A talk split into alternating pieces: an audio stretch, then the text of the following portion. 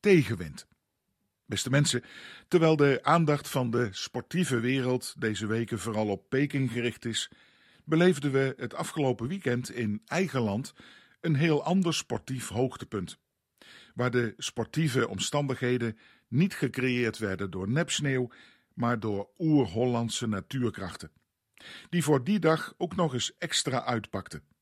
En dan heb ik het natuurlijk over het nationale kampioenschap tegenwindfietsen. Nee, geen aerodynamische pakken, klapfietsen of een strak, keurig geveegde ijsbaan van de juiste hardheid, maar gewoon een degelijke Hollandse toerfiets met terugtraprem. Gezien de heftige omstandigheden van die dag was de organisatie deze keer in een toegefelijke bui. En zelfs bereid om de deelnemers te matsen, door zowaar een aerodynamisch fietsventieltje toe te staan en het parcours te verkorten met zowaar 8,5 meter. Heerlijk. Mijn vrouw en ik kenden dat parcours en zomers, liefst met een strak blauwe hemel natuurlijk en een mild briesje, fietsen we het wel eens. Om te genieten van dat prachtige uitzicht op een fietspad dat de zee doorklieft. Bij wat meer tegenwind zetten we als luxe senioren de elektrische fietsondersteuning gewoon een tandje hoger. Waarbij de sportieve eer dan hooguit gelegen is in de vraag wie van ons tweeën het minste bijschakelt. En ook het minste last heeft van de tegenwind. En wie dat is, fietst dan gewoon even voorop. Ja, de liefde houdt de ander soms ook gewoon even uit de wind immers. De Oosterschelderdam, onze nationale stormvloedkering, op zich al een prachtig woord, staat natuurlijk terecht symbool voor dit nationale kampioenschap tegen de windfietsen.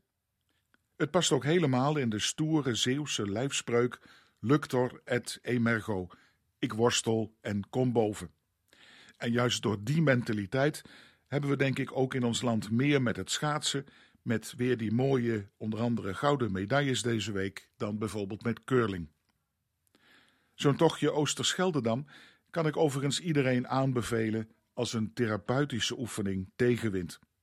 En serieus, natuurlijk kennen we in ons leven allemaal wel van die momenten van tegenwind.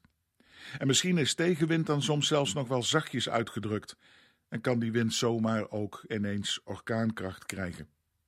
De Zeeuwen en anderen weten er helaas alles van. Tegenwind kan er natuurlijk op allerlei gebied zijn. Zo hoorde ik in de afgelopen tijd Klaas Knot, de baas van de Nederlandse Bank, financiële tegenwind voorspellen, met oplopende inflatie en duurdere spullen dus. Maar ook in ons persoonlijk leven kun je soms met zware tegenwind te kampen krijgen, waar je niet zomaar even een elektronisch standje kunt bijschakelen.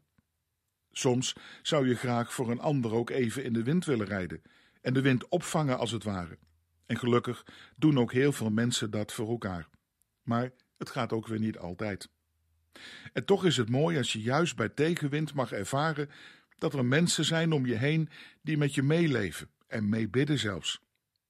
In de afgelopen weken mochten we dat ook ervaren toen een van onze kleinkinderen in het ziekenhuis terechtkwam.